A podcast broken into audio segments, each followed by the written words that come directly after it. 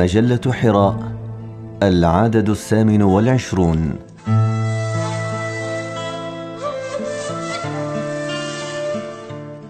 طويلا بكينا. بقلم الأستاذ فتح الله جلان.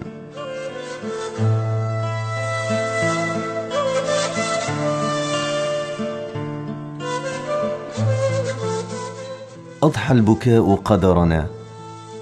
ما عرفنا غير البكاء منذ سنين وسنين. بكينا على إنساننا الذي مات وعمراننا الذي تهدم وبيدرنا الذي انتهب وآمالنا التي هوت قواعدها وشجاعتنا التي خبا أوارها. إن الغربي الذي حسبنا أن لديه مصباح حياتنا كان قد ارتمى على مصطبة النعش قبلنا بكثير. إنه مات في ذلك اليوم الذي هب فيه نيتشه ليرضي الإله لباس الموت معلنا في وهمه أم مات الإله؟ إن الميت لم يكن سوى الغربي نفسه وإنساننا المسكين معه. إنساننا الذي غرق في المستنقع من حيث ظن أنه خرج من السجن ناجيا. إنساننا العابث المتفلت الذي تمرد على كل شيء وأنكر كل شيء. أي سجن ذاك الذي زعم أنه ناج منه؟ وأي غنيمة تلك التي حسب أنه نائلها؟ هيهات هيهات. لا من سجن نجا ولا من حظ نال. لم يتغير إلا إيقاع الحياة لديه وظل يسمع الصخب نفسه لكن في نمط آخر هذه المرة.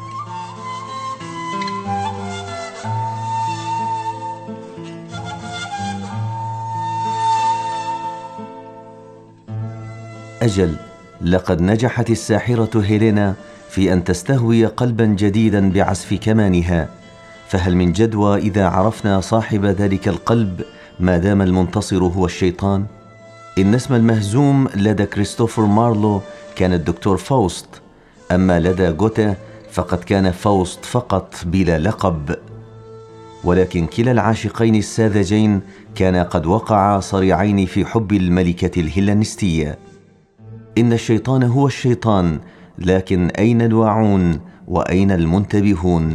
إنه قبل أمس كان حصانا خشبيا أمام طرواده والبارحه كان ماردا قد التهم الغرب بحذافيره واليوم هو تنين قد جثم على أنقاض الحضارة قاطبة تنين أطاح بكافة آمالنا وأخمد جميع حساسيتنا.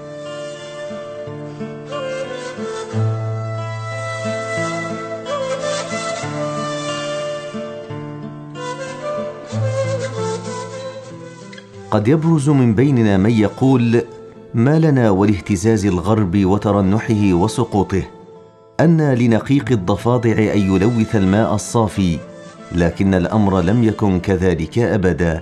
إن الهزة التي وقعت هناك دكت ديارنا دكا وجعلت عاليها سافلها فانهدمت السدود وانهارت الجسور وتلاطمت الأمواج فضاع المسجد وضاع المحراب معه. ولم نستطع أن نبقى خارج هذه القيامة الحمراء. ليتنا استطعنا أن نبقى خارجها. لم نستطع أن نقاوم تلك الدوامة الرهيبة بقيمنا التي عملنا على إنمائها وإنضاجها طوال قرون فكانت النتيجة أن ابتلعتنا. والمؤلم أن القاطع والطاحن والماضغه كانت هي أسناننا.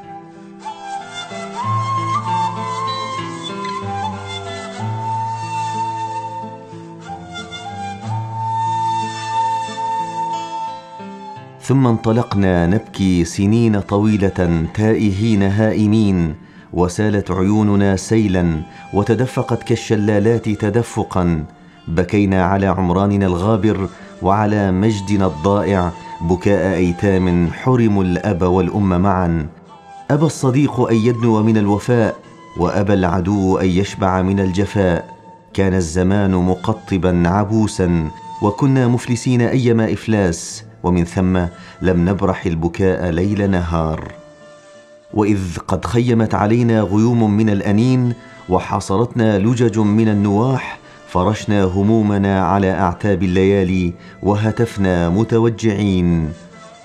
أغدو يا وطن وتلفع بسواد أستار الكعبة وامدد ذراعا إلى روضة النبي وامدد ذراعا إلى كربلاء إلى المشهد وابرز للكائنات بهذه الهيئة. نامك كمال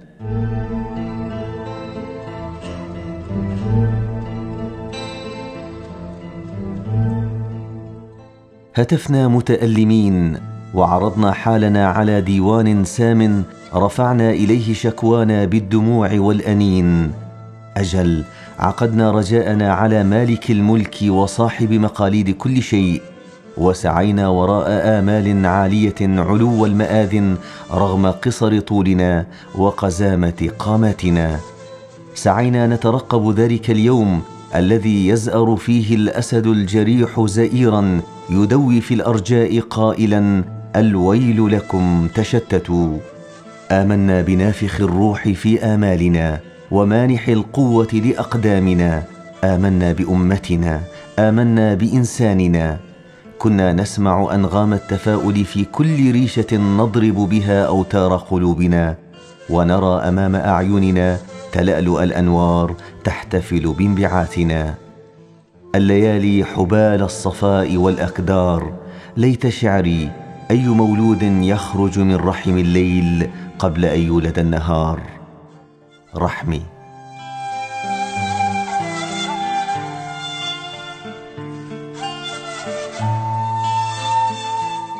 هذا وبينما كنا نصارع ألف دوامة ودوامة إذا بأنوار الفجر قد بزغت في الآفاق تبتسم لأجيالنا مع ذلك لم نكف عن البكاء. بكينا البارحة على خرائب الديار واليوم نبكي على تفتح الرياض بالأزهار. نبكي ان قد تلاشت الغيوم العابسة وأخذت سماؤنا بعد أن جفت منها العيون تهطل بالأمطار. وتضوعت روائح الربيع الشذية في أرجاء أراضينا. وهلل الكون والمكان بانبعاث جديد. إننا نبكي وقد رأينا افراخا تقفز هنا وبراعم قد لبست أزياءها هناك. ونبكي على ألف أنين وأنين هنا وألف مخاض ومخاض هناك.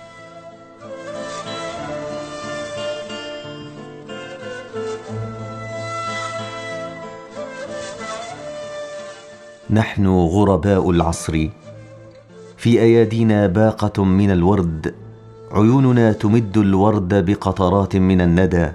نقف أمام باب من استعجل المجيء في قر الشتاء لنزف إليه البشارة الكبرى. ها هي الأزهار قد لبست أحزمتها وتفتقت البذور عن سنابلها وأبرزت الورده غمازاتها بدلال. وصدح البلبل بتغاريده الشجية وغمرت بهجة الربيع كل مكان.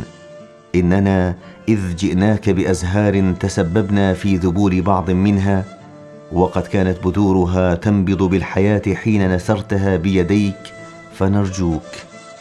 نرجوك ألا تلومنا ولا تؤاخذنا إذ إن السلطان يجمل به سلوك السلاطين والعبد يليق به سلوك العبيد. نحن غرباء هذه الحقبة البئيسة. عصفت بنا عواصف عاتية. فلم نستطع أن نسمو إلى مراقي القلب وآفاق الروح فيستقر على السكينة والصفاء قرارنا. مولاي لا تحرم عبدك من عنايتك وامنحه رعاية من رعايتك.